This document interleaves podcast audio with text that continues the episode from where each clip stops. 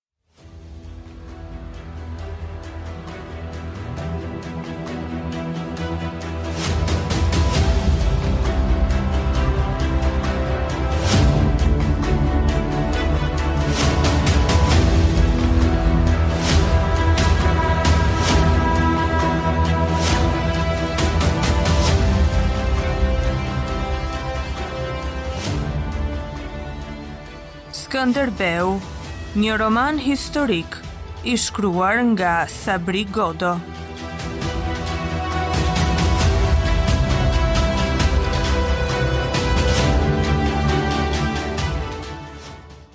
Kapitulli 19 Në majën e kodrës, ishte një çadër e verdhë me dy tujat e pashait në shtyllën e përparme. Kjo çadër zotëronte kampin dhe e mbante nën krah. Aty ndodhej një gjysmë byzylyk i gjyrebave, kalorësve të huaj, që kishte dalë në këtë pikë disi e veçuar nga ushtria për të plotësuar rrethimin e kështjellës nga veriu. Në atë kamp të porsavendosur, ushtarët merreshin me punët e mëngjesit, dhe shikonin shpesh nga malet që u ndienin praninë kërcënuese, por duke u marrë me punë, lëvizjet e tyre u bënë më të sigurta. Skënderbeu ua dëgjonte thirrjet, i shihte punët e tyre dhe dinte atë që do të bënin pastaj. Si të rregullonin veten e t'u jepnin ujë kuajve, si të merrnin vesh në ishte në qejf pashai, ushtarët do të kërkonin të dinin se ç'përfitime mund të nxirrnin nga ai vend i qarkuar me male. Skënderbeu rrinte në gjunjë, buzë pyllit me ah, dhe përpiqej të shihte diçka tej këtyre punëve të gjyrebave. Ai mbeti i kënaqur dhe u kthye nga Tanushi. Pejk Emanueli, që kishte zbritur aty me të. Le të niset Moisiu, tha ai. Moisiu dhe Muzaka i Angjelinës, të mbështjellë me guna fshatarësh, dolën që poshtë pyllit me 30 kalorës të veshur si ata. Secili tërhiqte pas kalit një mushkë të ngarkuar me thasë me baltë dhe i gjithë karvani, kaloi rrëzë malit dhe zbriti në luginë. Kampi i gjyrebave doli i tëri në dritë.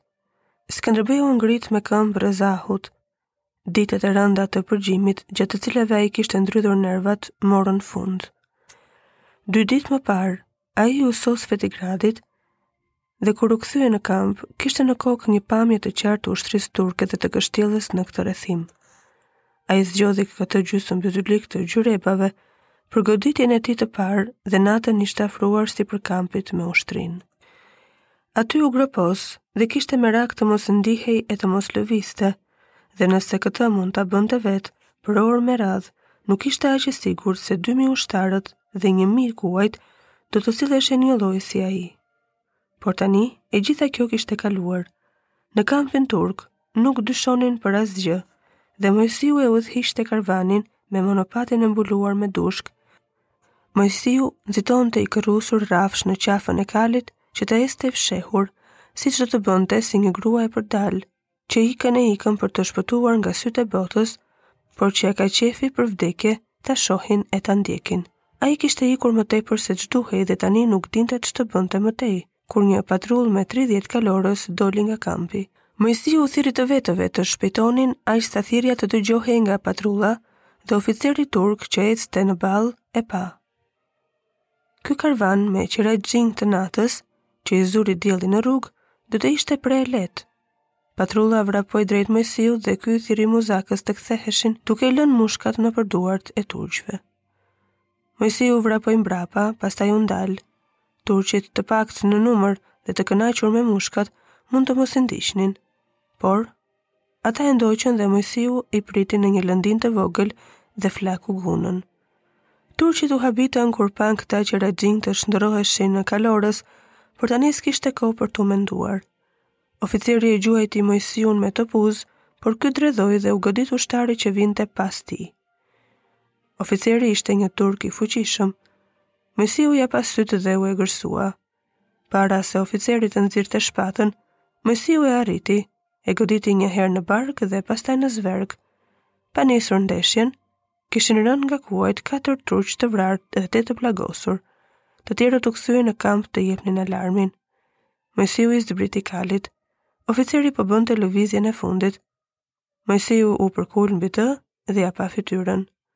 Ky oficer i kishte rrezikuar jetën. E kapi nga jaka, e ngriti përgjysmë me dorën tjetër dhe goditi dy herë me shpatë në zverk duke i shkëputur kokën.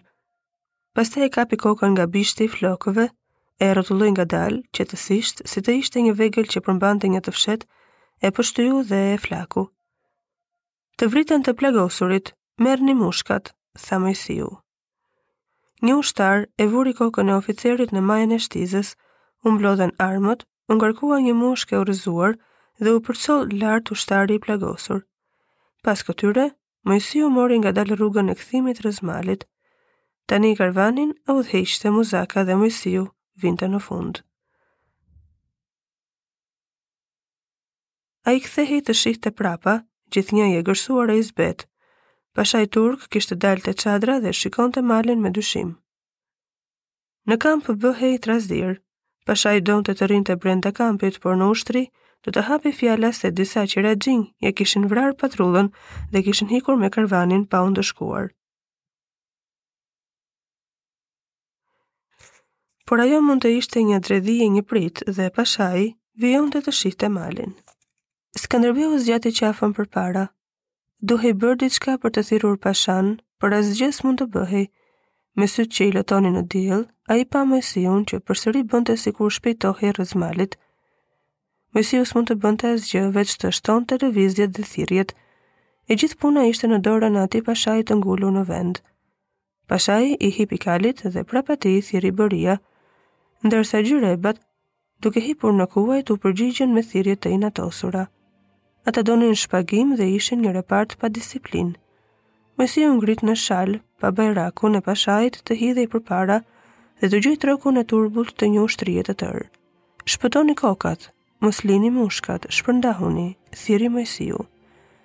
Karvani i tij hyri në një korie dushku dhe u shpërnda duke ndjekur secili rrugën më të shkurtër.